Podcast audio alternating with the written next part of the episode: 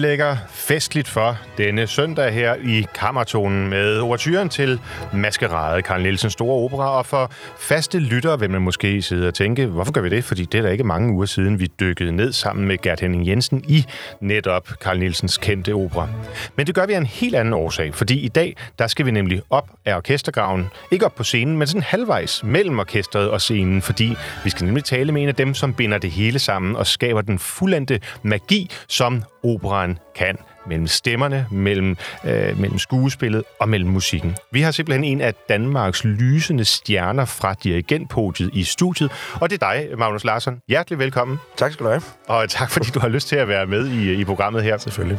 Skal vi lige, øh, skal vi lige høre Karl Nielsens øh, fede overture her færdig, og så snakke lidt om, hvorfor bagefter? Lad os gøre det.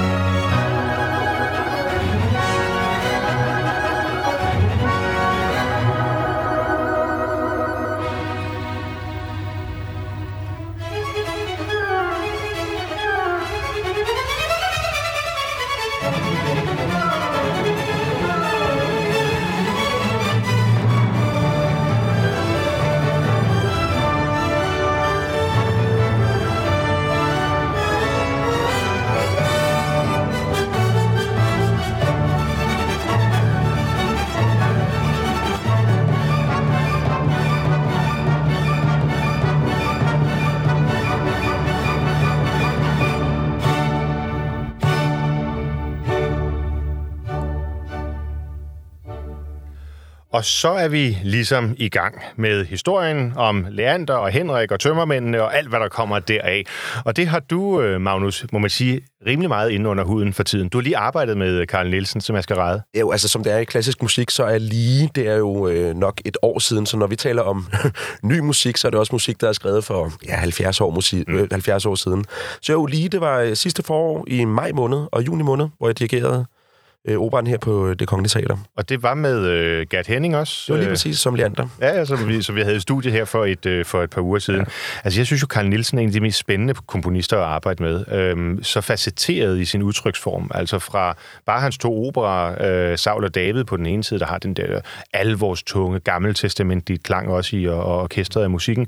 Og så til den her spillemandsagtige, lette musik i Maskerade. Ja, altså første akt er jo, synes jeg, en af de mest gennemkomponerede akter, vi har i hele, i hele operalitteraturen simpelthen. Mm det er lidt tungere at komme igennem anden og tredje akten. Første akt er simpelthen, jamen det er en, en, en leg, altså fra start til slut, og vi forstår ligesom øh, oprøret mellem det gamle og, vi står, og, og det nye, og, og den handler jo egentlig om Jeronimus fald. Altså Jeronimus, der må forstå, at ungdommen jo også har noget at sige på en eller anden måde. Helt tilbage fra øh, 1700 Hvidkål, hvor den foregår i, i det gamle København der. Øh, og det synes jeg, at, som du siger, det får Nielsen virkelig beskrevet på, på sådan en ret raffineret måde, faktisk. Ja, ja. Hvordan er det egentlig, sådan en opera, øhm, som man skal ikke sige alle kender, men de fleste kender, og også overturen her, der er mange, der genkender den musik, og alle kender jo i hvert fald Fordum var der fred Præcis. på gaden, og så videre Jeronimus' sang. Øhm, hvordan er det egentlig at gå til sådan et værk, øh, når man ved, at det er noget, som alle ligesom har et forhold til? Jamen altså, der, er- der er jo mange, mange værker, mange mennesker har et forhold til. Om det er en, øh, en kendt Mozart-symfoni, eller Beethovens femte, da, da, da, da, mm. eller så videre. Så det er jo altid med ærefrygt, men også med en... Øh, Altså, jeg synes jo, alle har en berettigelse til at kunne, øh, kunne fortolke den her musik her. Selvfølgelig ud fra, hvad komponisten har skrevet. Så øh, hvis man er bevidst om, hvilke skuldre man står på, øh, når man går til den her musik, og man gør sit forarbejde, man læser Heiberg, før man læser Nielsen, som Nielsen jo så også har gjort i sin tid, øh, så, så er det en, øh, egentlig, jeg vil ikke sige lige til, men, men det, det, det er sjovt, men man, man, altså, man er lidt æresfrygtig hele vejen igennem. Så det handler om at, at have respekt for stoffet, men, men ikke lade sig skræmme af det. Ja, lige præcis. Ja, fedt. Øh, ja. Du er jo, øh, som jeg sagde før, en lysen. Du er lige fyldt 30 år. ja, tak. Øh, ja. En ganske ung dirigent, skal jeg tillade mig at, øh, at sige. Og især når man så ser på dit, øh, på dit omfattende repertoire.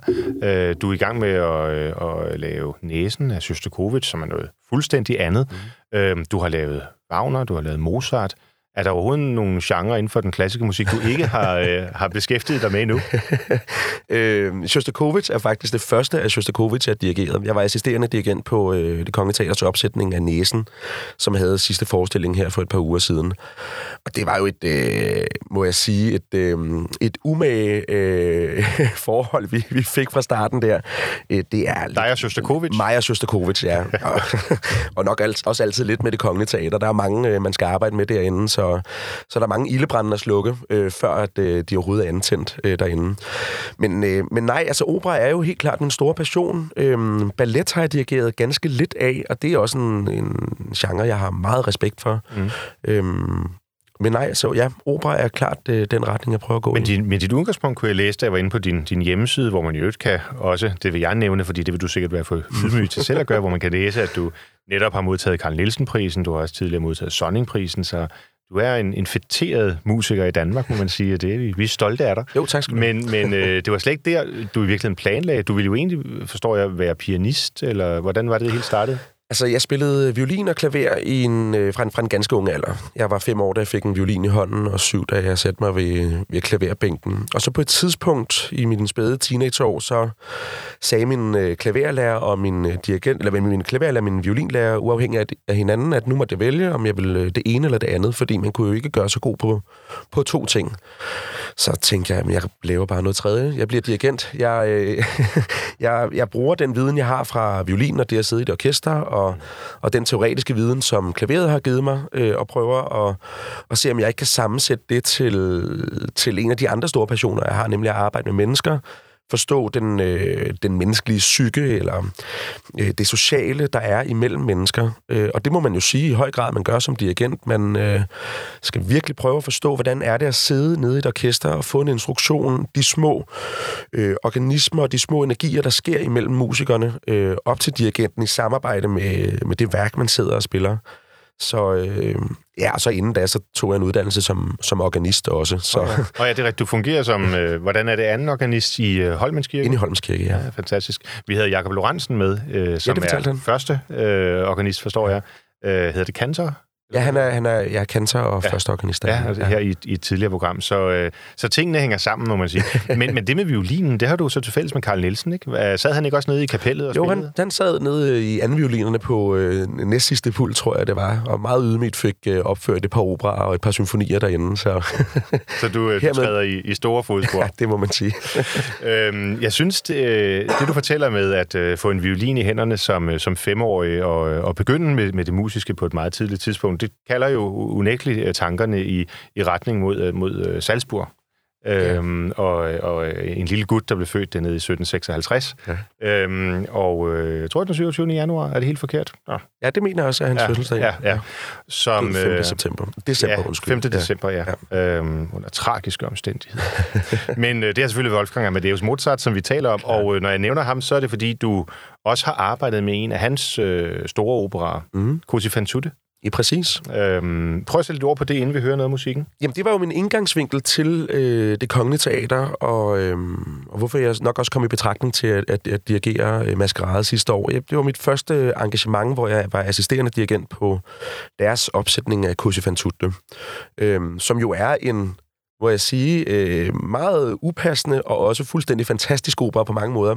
En stereotyp opera med, med kønsrollerne, kan man sige, øh, og en også blev fremsat på en måde, så man stadigvæk lidt forstår den leg, der er bagved. Mm. Det handler om, om to øh, mænd, der skal tjekke deres, øh, deres koners øh, troskab og forklæder sig som øh, albanske mænd. De drager i krig og så vender tilbage som albanske mænd. Og, øh, og så går det jo helt galt, og man oplever jo hele den der tvivl og øh, øh, alle de tvivlspørgsmål, der kan, der, der kan opstå øh, hos, øh, hos et par eller i et øh, partnerskab. Og det var sjovt. Altså, Mozart er sjovt. Mozart er svært. Jeg har også dirigeret øh, Figos bryllup tilbage for, for nogle år siden. Og det, øh, det er så raffineret, fordi man kan høre, om det går godt, eller om det går skidt, om man spiller rigtigt, om man spiller forkert. Øh, man kan ikke rigtig skjule sig bag ved, øh, ved så mange ting. Det er, jeg sammenligner ofte Mozart med italiensk mad. Du kan simpelthen... Øh, du har brug for gode råvarer, det har vi, Mozarts musik. Men hvis du ikke kan tilberede dem øh, på en meget, meget raffineret måde mm. igen, øh, så, altså, så, så kan du simpelthen brænde det på. Ikke? Så ja, ja. kunne du have brugt en dårlig tomat. ja, eller, eller sådan en udkogt pasta, det er også nærmest utåligt at spise. Ikke? Jo. Jeg synes, det er et smukt billede. Altså, jeg, jeg er tosset med Mozart, men jeg er meget enig med dig i, at det ikke er sådan let tilgængeligt. Nej. Øhm, og det er jo sjovt, ofte når man hvis man sådan slår op i et eller andet øh, opera for, for dummies, eller begynder, begynder eller et eller andet, så får man nu skal du bare høre noget Mozart. Det har jeg aldrig rigtig forstået. Der er mange melodier, der er lette og rare og, og nemme, men det er jo virkelig, virkelig gennemtænkt og begavet musik, hvor der hele tiden er nye lag nedunder.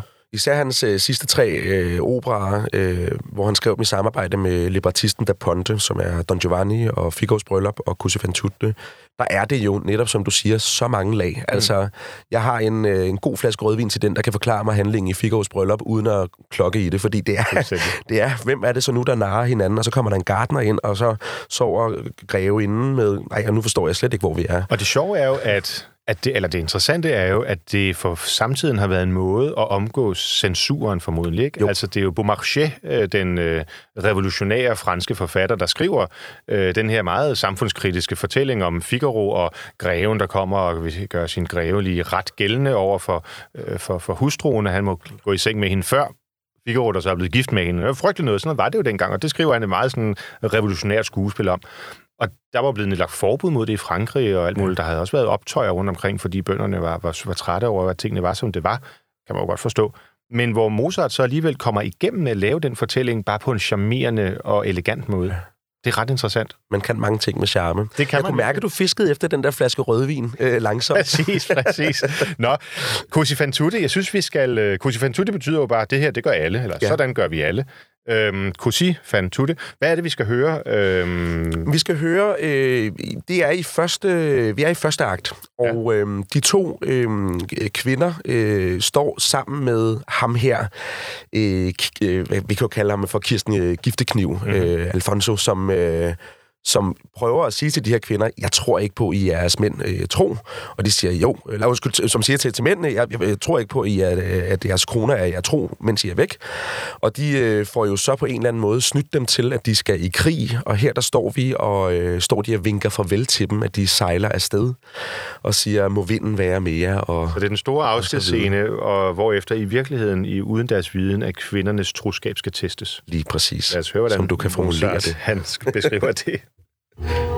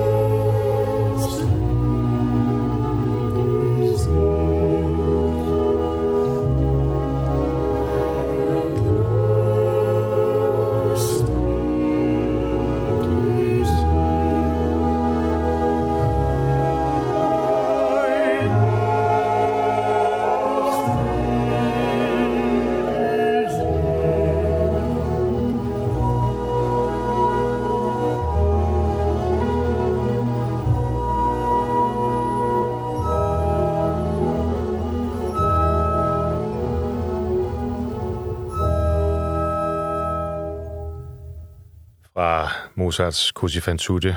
Altså, man bliver sådan helt andægtig. Jeg ved ikke, hvordan har du det, Magnus? Jeg har altså, som vi også lige sad og snakkede om, mens, øh, mens øh, musikken spillede, altså, der er jeg synes jo på mange måder, at Mozart er en langt større romantiker, end, end man gør øh, Beethoven til. Øh, altså, de står jo og vinker farvel til et skib, der sejler ud over havet og ønsker dem øh, alt det bedste. Man hører jo i strygerne, hvordan bølgerne og vinden langsomt er der.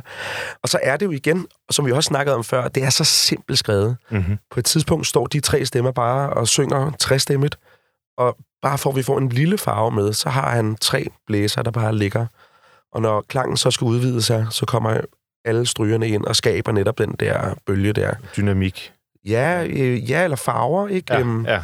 Som når man ser et maleri, og man, det er ikke bare en blå farve, der er havet. Der kommer også lige lidt hvidt, og der er også lidt rødt i, øh, og gult i vandet. Mm. Mm. De der små detaljer, der kan være med. Mozart, tror jeg, er... Altså, han hæver sig over musikhistorien. Altså, jeg tror både i sin samtid, men også generelt. Øhm, altså, jeg tror ikke, at det kan lade sig gøre igen. Jeg tror, det, det er hævet over naturloven i virkeligheden, det han gjorde. også på den korte tid og så videre, ikke? Jo, klart, ja. Altså, øh, at, at ud fra sin samtid, hvor hvis man hører nogle af de samtidige komponister, vi talte lige før om Gluck og Haydn og så videre, altså det er så fjernt fra den her måde at tænke musik på, netop i, i farver, men også i, i, i opbygning af instrumenterne og i anvendelsen af øh, tonearterne. Der kommer en lille svagt skift til mol, og så er vi tilbage og så videre. Hvad, øh, altså, det, det, er jo- det er jo det tætteste, vil jeg jo sige, man kan komme på et gudsbevis. Altså, det er jo helt vildt, at den her mand har kunne skrive det her tilbage i 1700, øh, hvad bliver det, 75-80 stykker. Ja, ja, det omkring, ja. Altså, der er jo mange, der også har en, en guddommelig status, vil jeg mene. Bach, for eksempel, Ja, kan vi jo ikke ja. rigtig komme ud Jeg synes du ikke, han har mere håndværkets præg. Altså, jeg er jo enig i, at det er, øh, at det er fuldstændig forrygende. Men, hvis jeg må sige noget, han, jeg synes ikke, han har den der skær af det geniale, fordi det, det hele er bygget op over nogle systematikker øh, og nogle tanker, som han så udvikler til meget, meget, meget begavede højder. Jo, eller... Jo, det kan jeg sådan set godt give dig ret i, øh, til dels. Eller jeg vil jo sige, matematik kan jo også være kunst, når man får ting til at gå op i en højere enhed. Ja. Øh, hvis du ser en, en fodboldkamp, som jeg jo så gjorde i går, øh, eller her i, øh, i onsdags, i, øh, eller i tirsdags var det i parken. Mm-hmm. Så, øh, din stemme er en smule med. Ja, jo, tak. Stadigvæk. øhm, man ser de der... når man ser de der mønstre, som de opbygger og så videre, så kan man sige, jo, men er det ikke nogle systematikker? Jo, men der er jo stadigvæk et overskud. Øh, altså, når du altså, hører nogle af Bachs øh, soloværker for diverse instrumenter, eller sådan, altså, det, ja. det er jo fuldstændig genialt. Og Mozart har jo også sine systematikker. Altså, øh, hele den form, som mange af hans øh, koncerter, hans værker, øh, symfonier, sonater og så videre bygget op omkring, er det jo også nogle systematikker. Men, men Mozart har lidt friere øh, rammer. Altså, vi har en, en lidt mere udvidet dynamik. Vi har nogle lidt mere avancerede instrumenter, øh, der gør det lidt... Mm, giver ham lidt flere, flere gunstige forhold at skrive for, kan man sige. Klarinetten for eksempel, som kommer ind der i øh, 1760'erne. Ja, og basset sådan, ikke? hornet. Ja, lige præcis, ja. Altså, jeg kan huske, nu selv Nielsen før. Nielsen har jo sagt engang, øh, da han blev spurgt, hvem er den største komponist, og så peger han på Mozart, fordi han siger, at Mozart kunne det enkle, og det er det enkle, der er det svære. Ja, præcis. Hvad tror du, han mente med det? Øh, Altså Nielsen. Ja, hvad, hvad Nielsen mener, altså... Nu skal jeg jo ikke sige, som jeg sagde lige før, når du lige har nævnt Nielsen, fordi al, al ære og respekt til Carl Nielsen.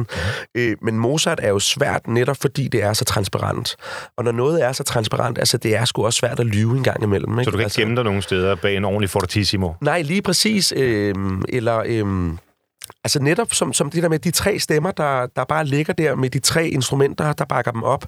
Altså hvis de bare er det mindste smule falske eller ligger forkert, så er det så tydeligt. Du skal være tydelig i din artikulation, i din, øh, dit valg af dynamik, din balance osv., din spillestil. Og det er jo virkelig noget, når jeg arbejder med et orkester med Mozart, så er det jo noget, vi bruger enormt meget tid på. Spillestil. Hvor spiller vi henne på buen, øh, i strygerne? Øh, hvordan øh, accentuerer vi tonerne i blæserne? Hvilken type køller spiller øh, pauken med? Øh, hvilket attack skal trompeterne have, hvis der altså er trompeter med? Det er der jo meget sjældent i Mozarts musik. Han havde jo en stor forbi over for, øh, for trompeter. Mm. Ja, det er vel lidt, der er lidt i, i Domineo, tror jeg. Ja, der er Øh, lidt. Så, men ellers er det, er det ret... Øh, Og i Rækfed og så videre der. ja, ja, Øhm, det er klart. Der med hører det ligesom, hører ligesom til. Men, men det er jo igen, hvis jeg skal sammenligne det med gastronomi, altså en gang imellem kan du bare smide en ordentlig gang øh, kajepasta eller spidskommen i, ligesom at dække for de, de, øh, de dårlige råvarer, der, der nu engang øh, ja. måtte, måtte være eller noget. Det kan du ikke rigtig i Mozart. Du kan ikke bare smide vibrato på. Eller det kan du godt. Jeg synes, det er usmageligt. Jamen, jeg, jeg er meget enig, og jeg, jeg har et eller andet med Nielsen og Mozart. Altså ikke bare på grund af de citat der, men også når vi for eksempel hører øh, den overture, vi indledte med. Bam, bam, bam, bam, bam, bam, bam.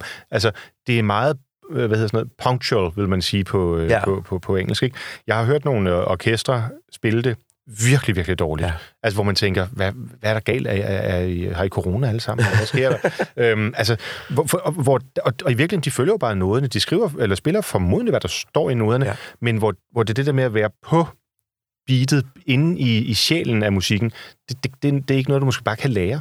Nej, eller der er jo mange ting, der kan gøre dig til, øh, øh, til den musiker, du er. Altså, øh, og netop fordi Mozart er så stor, eller der er en grund til, at Mozart er så stor en del af repertoireet på konservatoriet, så du netop lærer at spille på, øh, med det, den kant, eller den edge, øh, øh, men også den øh, transparence og så videre. Så altså, at trække de linjer fra, hvad Mozart skrev op i Carl Nielsen, mm-hmm. øh, nogle gange så bliver man en, en bedre Carl Nielsen fortolker af at spille Mozart.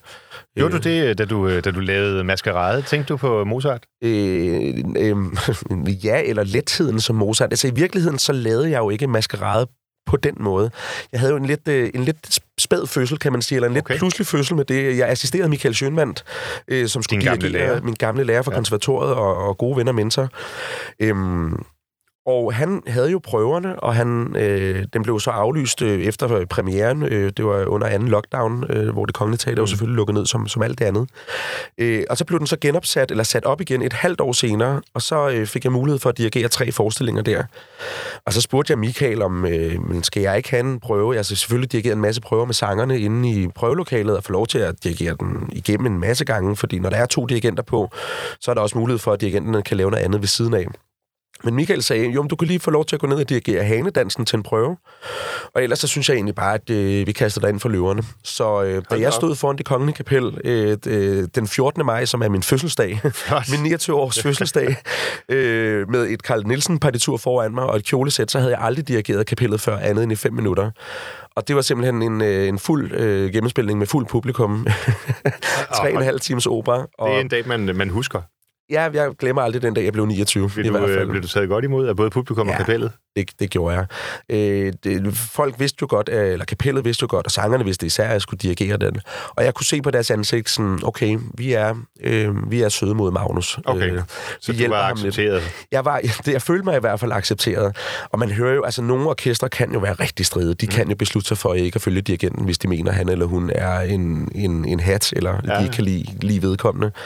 Øh, men, men her, der synes jeg, de tog, tog rigtig godt imod mig. Hvordan gør man egentlig det? Altså, jeg, for de der historier har jeg nemlig også hørt mange af, at uh, for eksempel Wienerfilharmonikerne eller Berlinerfilharmonikerne, nogle af de der virkelig konservative, der bare kan deres ting, altså hvor uh, i udgangspunktet er der ikke brug for dirigenten Nej. på sådan standardrepertoire, fordi de ved præcis, hvordan det skal ja. lyde. Hvis man kommer som en ny dirigent, en ung dirigent, godt være, man har fået nogle priser og nogle udmærkelser og sådan nogle ting, men hvordan, sådan, du siger det med at lære mennesker at kende, hvordan stiller man sig egentlig an og siger, øh, hej drenge og piger, jeg er 30 år, hedder Magnus, nu skal jeg dirigere igennem Mahlers 5. symfoni. Eller hvad det nu måtte være. Ja, ja. Hvordan gør man det sådan rent menneskeligt? Øh, jamen altså, øh, ja, hvordan gør man? Det er jo en, det er jo en stor hvordan ting. Hvordan gør du det? Hvordan gør jeg? Ja. Altså, jeg kan jo godt begynde at tro lidt på nogle andre ting, end, end, end, øh, end den opdragelse og uddannelse, jeg har fået. Eller jeg prøver i hvert fald at tolke lidt på den på en anden måde. Jeg tror jo ved imødekommenhed, ved forståelse, ved øh, at lytte men også at stille sig i respekt på de tidspunkter, man, man, man skal, at man kan komme rigtig, rigtig langt. Altså, der, vi har jo hørt skrækhistorierne med Hans von Bülow og Arturo de Toscanini og så videre. Mm-hmm der har stået der og råbt af sit orkester, og det har jo næsten været som, øh, som far, der har stået med slipset eller et eller andet, eller hvad hedder det, øh, bæltet. Ikke? Altså, man har virkelig været bange for far at få... er ikke skuffet, han er vred. Ja, det er præcis. Æ, så jeg mener jo, altså, vi, kom, altså, vi, vi, øh, som dirigenter, man kommer længst ved simpelthen med ydmyghed over for dem. Ja. Der sidder jo i et orkester, hvis der sidder 100 mand, der sidder der jo sammenlagt 3.500 års erfaring og jeg er lige fyldt 30, ikke? Præcis. Så man kan jo ikke andet end at, at gå ind og sige, må jeg foreslå, at vi gør sådan her? Og så er der nogle gange, hvor man skal slå igennem og sige, vi gør sådan her. Ja. Og det er jo noget, som man øh, uddanner sig til, og ikke mindst danner sig til over tid. Altså at forstå, hvornår... Altså, jeg har været i skænderier og diskussioner med Gud og være en mand, og det er jo også øh, øh, måde, hvor man får opbygget en stamina på over for andre mennesker. Men jeg har jo også, er jo også blevet overrasket over, hvordan andre mennesker reagerede positivt eller negativt på noget helt andet end musik. Og nogle gange vil, altså, mener jeg jo, at man godt kan blive en bedre musiker eller dirigent af at gå ned og drikke en øl på en bar, end at sidde derhjemme og læse sin partitur, fordi den virkelighed, vi skal afspejle, den sker jo derude. Mm. Øh, og følelserne, som er livet. Er ja, lige præcis. Og for forlist kærlighed og lykkelig kærlighed og, og så videre. Ja. Gud at opleve det. Man hører jo rigtig mange mennesker, der bare sidder og læser og læser og læser øh, derhjemme. Og sådan, jo, selvfølgelig skal du læse, du skal kunne det godt, men du skal jo vide, hvad det er, du afspejler, hvilke mm. følelser det er. Mm. Øh, og netop også turvis følelser, både i et prøvearbejde med et orkester, men så sandelig også, når du står der, altså vise, det her musik, det gør ondt, eller det her musik, ja. det er så overdådet, at jeg næsten ikke kan jeg ved ikke engang, hvad jeg skal sige. Altså, få et ansigtsudtryk, så jeg jo bare er helt storisk og i ekstase. Det, det, det, det skaber en god klang. Det lyder, det lyder fuldstændig rigtigt. En af de operer, jeg kommer til at tænke på, når du siger, at det gør, det gør ondt og, øh, og storhed og så videre, det er øh, Verdis Otello, øh, mm. som, øh, som også er en af dem, du har, du har valgt, at vi skal høre ja. i, i dag.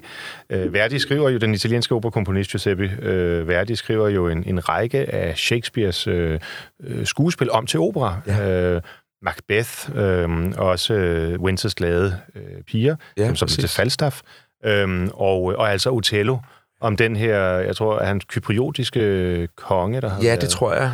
Ude og, han er fra Kyberen, ja, ja præcis. Ikke? Og ude ja. at kæmpe, øh, sikkert imod osmanderne, og, øh, og så vender hjem med sin trofaste ven Jago, tror han i hvert fald. Ja. Men uh, Jago, ja, det kan godt være, han er trofast indtil i hvert fald de vender hjem. Jago har en forventning om, at han skal, han skal forfremmes. Men det bliver han så ikke. Nej. Øh, og det kommer Othello jo så til at lide frygteligt under. Øhm, og du har valgt, at vi skal høre fra, fra sidste akt, Ave Maria, ja. øhm, hvor det er Desdemona, der, ja. der synger, ikke? Prøv at Præcis. sige lidt om, hvad, hvad, hvad tænker du om Othello, og er, har du egentlig dirigeret Othello? Ja, jeg lavede den i en kammerversion for, hvad er det, en 5-6 år siden i Sverige faktisk. Okay. Øhm, hvor vi... Øh, kan man ja, lave Othello i en kammerversion? det fandt vi ud af, at man godt kunne. Den blev skrevet om til otte musikere. Hold da op. Ja. Er det en åbning? Ja, det, det, var, det var godt, at der var noget lys, der ja. blinkede der, så ja. man fik illusionen af det. Det var, det, var, det var en virkelig fin oplevelse. Øhm, og, så, og så lavede jeg også til min, øh, min eksamen på konservatoriet, øh, lavede jeg netop den her Eva Maria, eller faktisk hele åbningen af, af fjerde akt, øh, i en meget spændende tid. Det var øh, lige efter øh, første lockdown, og øh, sammen med Odense Symfoniorkester, vi fik også kortet det ned til et 30-mands orkester på en eller anden underlig måde, og El Elisabeth Dreisig, der sang så smukt, så smukt. Øh, altså, åbningen af fjerde akt er jo borget af så meget øh, frygt og så meget... Øh, øh, afmagt. Jalousi, ikke? Og, jo, og jalousi. Ja. Altså, det Stemuna vågner jo der, og er jo bange for, hvad der skal, hvad der skal ske. Hun, er, hun, hun vågner ikke, hun er på vej i seng. øh, meget stor forskel, og, og kammerpigen kommer ind, og Emilia og trøster hende og siger, at det skal nok gå, og så videre.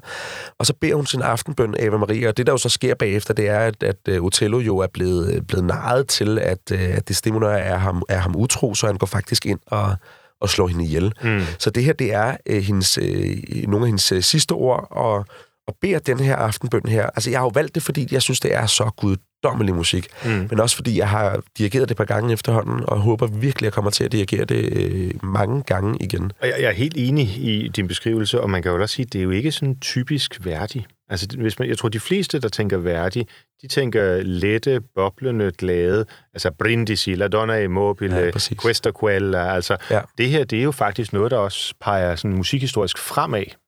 Ja, det kan, det kan man mene. Det er jo, øh, hvad det viser i hvert fald, hvor lidt der skal til igen. Han har også øh, studeret sin Mozart. Det er jo bare stryger, der ligger øh, nede under øh, øh, Ave Marias øh, skønsang her, øh, men som er altså, delt ud i, de spiller i Divisi. Øh, og hvad vil det sige? Altså, de, altså, altså første violinerne deler sig i to, og anden ja. violinerne deler sig ja. i to, og så videre. Ja. Det er... Øh, jeg, jeg vil faktisk ikke sige, at det peger så meget fremad igen. Okay. Jeg tror egentlig, Verdi viser sig meget fra...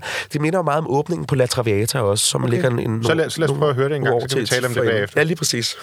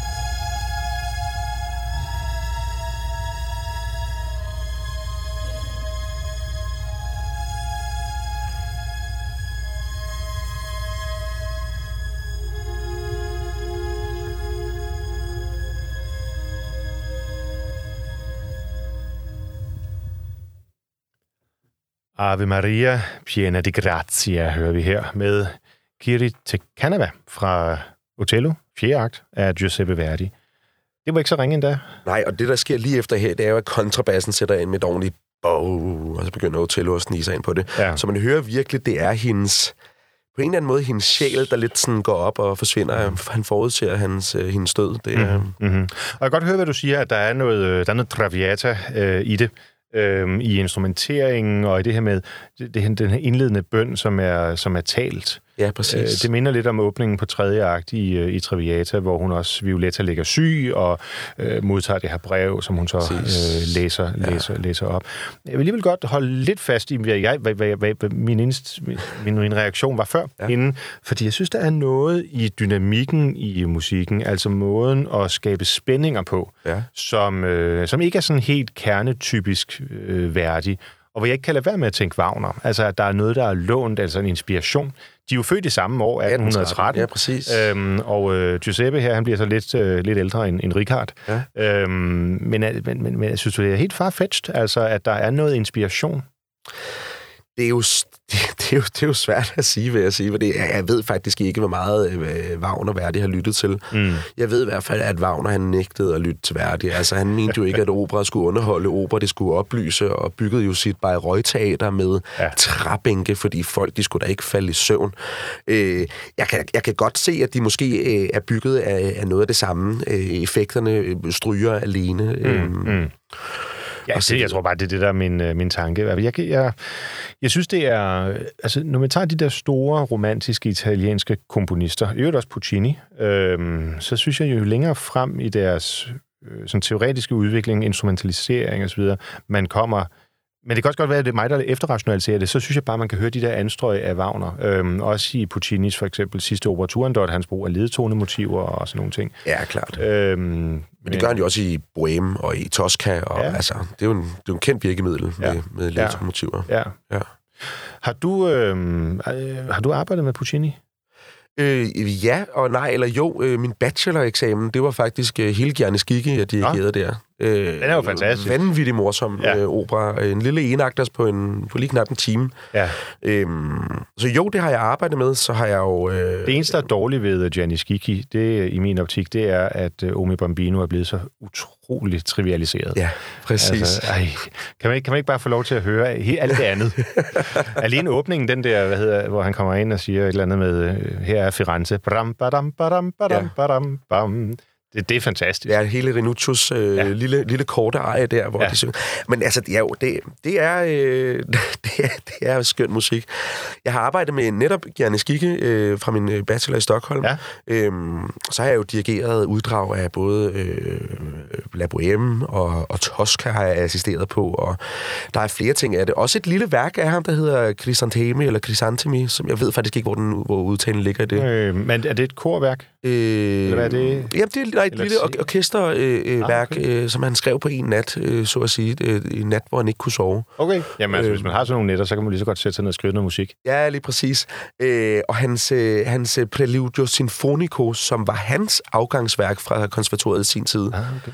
øh, lavede jeg også med, med et orkester i Sverige. Hvordan er det egentlig? Fordi hans tidlige opera er jo ikke sådan super fede. Edgar Lavilli jo, der er jo, der, er jo, der er jo gode elementer i det, men det er klart, at han bliver jo mere... Det er det, han øh, bliver først for alvor født, vel, når vi kommer hen til Manon Lescaut. Lige præcis, ja. og nogle af de der... Øhm, ja, hvordan er han? Øh, han er jo, han er jo fed komponist. Han er jo min... Altså, La Bohème er min yndlingsopera. Ja. Den, øh, så hvis du får ikke tilbudt om flybillet til den øde ø uden returbillet, så var det Bohème, du skulle have med? Ja, i hvert fald. Eller måske det hele operakast, som man kunne opføre La Bohème hver dag. Jeg synes, det er fantastisk. Og netop som vi snakkede om før, det der med pludselig den talte, altså at de begynder at tale som effekt i slutningen, hvor øh, Rodolfo jo indser, at Mimi er død, så mm. begynder mm. han at tale. Ja det er jo en, det er jo en kæmpe, kæmpe virkemiddel. Ja, øhm. Ekstremt dramatisk. Ja. Øh, La Bohème var faktisk den opera, jeg øh, lavede det første udgave af Kammertonen med, ja. hvor vi havde Sten Byrjel øh, til at fortælle om øh, hvordan han har både sunget øh, Colline og... Øh, ja, nu kan jeg ikke huske, hvad den anden bariton bas... Øh, Chonard eller Marcello? Chonard, jeg tror, det er. Ja, ja, ja det, er dem, det er dem, han har sunget. Ikke? Ja, præcis, fordi... Øh, Colline er tenoren. Nej, Colline er bas. Jeg tror den. Og Chonard er bariton, okay. altså Rodolfo det, det, Tenor. det, Yes. det, det kom til at virke respektløst i forhold til Sten Byøl. Det var virkelig ikke hensigten, at haft en super flot karriere, som jo ikke er færdig endnu. Nej, Nej det var bare for at sige, at jeg, jeg deler fuldstændig din, øh, din passion for, øh, for Bohème. Og, øhm, og apropos det der med, hvis man ikke er hjemmevandt i opera, synes jeg, det er et helt vildt godt sted at starte. Ja. Ja. At, øh, fordi det er så tilgængeligt. Både fortællingen, musikken, alt. Altså, der, er- der er simpelthen ikke noget, som ikke alle Nej. kan elske. Nej, og den er, den er kort. Den er let tilgængelig. Fire akter. Man kan lige få sig en skid på i pausen. Øh, og så kan man stadigvæk øh, nå at tage bilen hjem bagefter. Ikke? Altså, det er... Øh, altså, det- og hvis man altså lige så snart begynder at dykke ned i det, eller man kan blive ved med at dykke ned i det, man kan jo se, hvordan de fire øh, bohemer, der bor sammen, hvordan at de faktisk er de fire temperamenter. Ikke? Øh, man kan se, hvordan Mimi er den introverte, Musetta er den ekstroverte, øh, hvordan vi starter øh, musikalisk et sted og slutter rent faktisk det samme sted. Altså tredje akt og, eller, første akt og fjerde akt øh, åbnes på præcis samme måde. Øh, anden akt... Badam, bam, bam. Det der Ja, meget sådan, præcis. kendte, som vil er bohème-motivet, ikke? Altså, Jo, lige præcis. Ja, det er lidt det i Paris. Og så øh, anden akt er jo også åbner på samme måde med, med trompeterne, og slutter på samme måde med trompeter. Ja. Tredje akt åbner babam, og slutter babam. Ja. Tredje akt, der, jeg synes, noget af det, som, som står klarest og sådan rører en helt ind i sjælen hver gang, det er de der helt lyse, øh, skrøbelige violiner, der sådan, øh, beskriver den her kolde, kolde vintermorgen ja. i. Paris, ikke? Jo. Bam, bam, bam, dam, dam, dam, dam. Ja, Det, det er simpelthen så effektfuldt, selvom det er så Ja. Petit. det er fløjter, men jo. Men Er det du fløjter? Ja, det, det, er, det er fløjter og, øh, og andre træblæser. Okay, og så ligger der harpe ovenpå. Men Ah. jo, det er rigtigt. øh, Men, men, men strygerne får også temaet på et tidspunkt, Okay. så, så du er ikke helt galt på den. Bare Okay, men lad os, du har bedre styr på, end jeg har. Det, og det er jo på en eller anden måde øh, rigtig heldigt, eftersom det er dig, der står og dirigerer. Lad os høre åbningen, øh, eller i hvert fald fra første akt her, af La Bohème.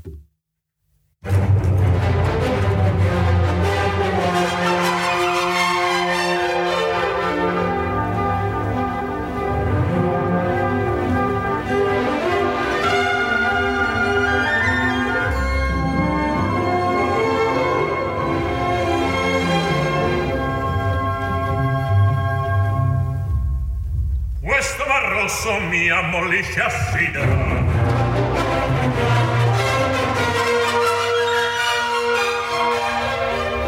come se addosso mi piovesse in stella.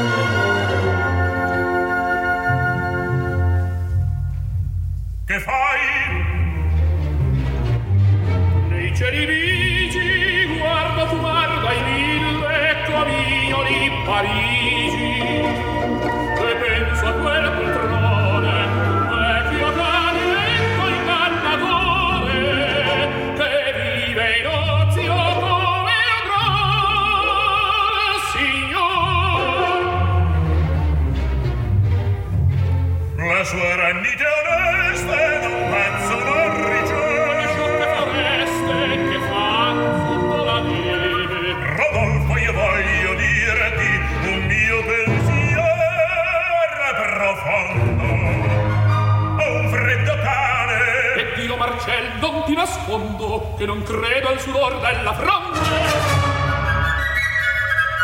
ho diacciate le dita. Quasi ancora le immollate giù in quella gran ghiacciaia che il cuore di musetta. È un caminetto che sciupa troppo E in fretta Dove l'uomo è fascina e la donna è la lare L'uno brucia in un soffio sta a guardare. E intanto qui si e gela si muore di nedia Fuoco ci vuole. Aspetta. Sacrifichi alla sedia. Eurica. Trovasti? Sì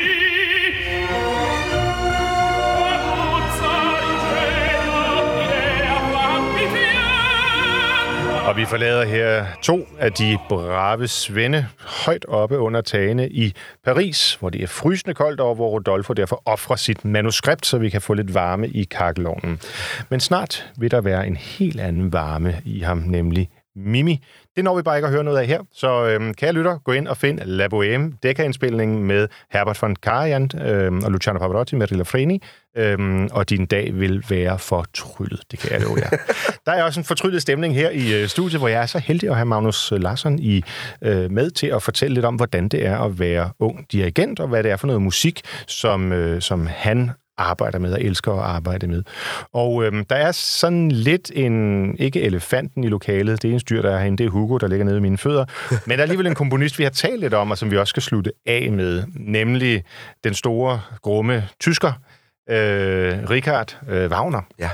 Og øhm, ja, altså jeg kan huske, da jeg sang, og det gjorde jeg for, indtil for 10 år siden eller sådan noget, der havde jeg det altid sådan med Wagner, at, øh, at øh, det, det blev aldrig rigtig godt. Altså, fordi enten så synes jeg, at min stemme var, var du ved, for, for svag til at gengive det, eller også så blev jeg træt igennem en, en, et, det, jeg skulle synge, fordi jeg skulle give så meget. Og sådan. Det, altså, det, det, det var simpelthen bare så fysisk hårdt. I modsætning til, hvis man synger en, en, en, en, noget af Puccini eller, eller, eller Verdi, det er selvfølgelig også udfordrende teknisk og sådan nogle ting, men det kræver ikke det samme, i hvert fald ikke af mig. Det kan også være, fordi jeg er en dårlig sanger, det ved jeg ikke. Men er det også sådan, når man står på dirigentpodiet? Altså, man, man, skal, man skal helt klart have en stamina. Altså, jeg har den største respekt for Wagner. Jeg, jeg tør faktisk ikke rigtig røre Wagner før om, det ved jeg ikke, i hvert fald om 20 år, måske mm. 10 år, 15 år, jeg ved det ikke. Altså, Thomas Søndergaard, en øh, stor dansk dirigent, han har jo også lige fået sin store Wagner ilddåb, da han dirigerede Valkyrien her øh, tidligere ja. på, øh, på sæsonen her. Altså, mageløst. Den har også lige vundet to røgmer der, og altså, altså var helt målløs, både over produktionen, men også Thomas måde at altså, stå i ro på, hans, den der næsten historiske ro, der mm. var omkring mm. ham. Øh, og, altså, og så er Wagner jo, jamen, som du siger, man skal have en stor stemme. Øh, og bare lige for at lave en pandang til tidligere. Ja. Øh, den tenor, der sang uh, Otello, Francesco Almanza, en, en, en, en meget dygtig uh, tenor, han, øh, vi snakkede sammen efter en forestilling, og han havde talt i telefon lige efter forestillingen med en af hans andre tenorvenner, der sagde, Nå, har du lige sunget Otello? Ja, så har du fri. Jeg har lige sunget første akt af Siegfried, og vi gik i gang på, øh, på samme tid. Ikke? Ja, og Siegfried er jo en, en, en, en af de tre operer i, eller fire operer i, øh, Nibelungens Ring. I, i Nibelungens Ring, præcis. præcis. Men det er, det er monumentant, øh, ja. og, øh, og, og, og på enhver måde, altså han skriver sin egen libretti, altså øh, ja. ordene øh, til, til, til operaen, han skriver selv øh, musikken, han finder selv på, så at sige, handlingen, han bygger sin egen opera, for lige også at være sikker på, at scenografi og alting, det bliver, som man gerne vil have det. Altså, det er en mand, du bare ikke kan diskutere med. Nej. Vi skal høre... Heldigvis. Et, heldigvis, ja. Og vi skal høre et stykke musik øhm, fra Parsifal, en ja. af hans øh, sidste operer. Lige præcis. Øhm, fra, fra første akt. Prøv at sætte os lidt ind i både, hvorfor du har valgt det, og også, hvad, hvad, hvad, hvad det her stykke musik, sådan, hvad, det, hvad det gør. Ja. Altså, Parsifal øh, er jo måske en af mine øh, yndlingsoperaer også. Øh, den spiller jo også øh, til, altså, til den gode side af lige knap fem timer, ja. øh, så det er jo noget, man virkelig skal beslutte sig for. Man får noget for pengene. Man får noget for pengene, ja, og den begynder tidligt. Man kan komme øh, sent i seng alligevel. Hvorom alting er, er det øh, virkelig, virkelig øh, god musik. Det handler om den her fuldstændig uskyldige, øh, næsten øh, altså alt for naive, dumme øh, mand, øh, Parsifal, der kommer til at skyde en svane, og det skulle han aldrig have gjort, fordi lige pludselig så blev han jo øh, gralsridernes øh, helt store frelser. Øh, vi er i første akt, hvor han øh, støder på de her gralsrider, og øh, som øh, Kasper Holten engang beskrev øh, i et andet radioprogram, vi lyttede til, så er forvandlingsmusik det sted, hvor tid bliver til rum. Mm. Hvor vi kommer i ude fra øh, Gralsridernes borg, øh, ser Parsifal. Vi er i den her lidt naive, øh, intetanende stemning, og pludselig så kommer det her forvandlingsmusik ind. I den opsætning, der var sidste gang på Parsifal, var det med en kæmpe skakbrik på scenen. Og jeg husker den her store drejescene, øh, der drejer rundt, og lige pludselig så er vi inde øh, hos Gralsriderne og Parsifal, der jo kommer ind på borgen her. Jeg synes, det beskriver utrolig godt, øh, hvordan at vi øh, kan gå fra noget tidløst til noget mere substantielt. Mm. Øhm, og Hvor så den egentlige handling øh, går i gang, eller... Ja, eller det, det kan man diskutere. Der er skrevet mange bøger, og jeg har også ja, selv ja, ja. skrevet og, og, og læst op på det her. Men, men det, den egentlige handling begynder jo fra, fra begyndelsen af, ja. ikke? Og Lohengrin, der kommer bagefter, som er efterfølgeren til den. Ja, øhm. ja der er en sammenhæng i Wagners, øh, i, i Wagners musik, men jeg synes, altså holder man Parsifal over for Lohengrin i musikken, så er de jo meget forskellige. Det er de jo også. Øh, som jeg husker, det er Lohengrin jo søn af Parsifal. Ja, jeg tror, det er sådan, der. Ja. Og, øh, men, men hvis man hører, altså Par, Parsifal har jo en helt anden ro og øh, fylde over sig, hvor Lohengrin er sådan lidt mere, øh, ja, nu siger jeg det, altså på den her måde, det kunne godt være lidt tysk værdig over sig. Ja, altså den er i hvert fald lidt lettere. Øh, den har et andet drive i sig. Ja. Altså, jeg skal love for, at der også er drive i Parsifal. Men Parsifal er jo... Øh, altså, det, det, den er jo mere katedral i sit udtryk. Mm. Den er jo stor, og det handler jo om, om kristendom, og mm. at de er, er, altså, hvad hedder det, de, når de går til grals, eller de, når de går til nadver. Og de Ja, det er jo den hellige gralse fra, fra, Præcis. den, fra nadvaren og så videre, som de der øh, gralsridere så bevogter, ikke? Jo, og, præcis. ja, der, er- det, er, det er Wagners binde, eller bånd mellem kristendommen og, og den tyske Ja, lige præcis. saga, kan man sige. Og så er der jo sådan en som øh, for eksempel øh, Mestersangerne, som jo er, ja. har en helt anden, også lethed over sig. Nærmest en buffa-opera. Ja, en munter. ja, faktisk. Ja, ja. Så, øh, så det kan godt være, at du skulle starte med at synge noget af Mestersangerne i kan godt være. Parsifal, hvis du ja. Ja. når dertil. Ja, det kan godt være. Der, er- der er den komiske skikkelse der, som hele tiden laver fejl. Nu kan jeg ikke huske, hvad han hedder. Øhm, det er rigtigt. Jamen, ja, vi, vi, vi laver noget med Mestersangerne. Men slutter af i dag øh, her på, øh, på denne søndag med øh, at høre Verwandlungsmusik af Richard Wagner fra første akt af Parsifal.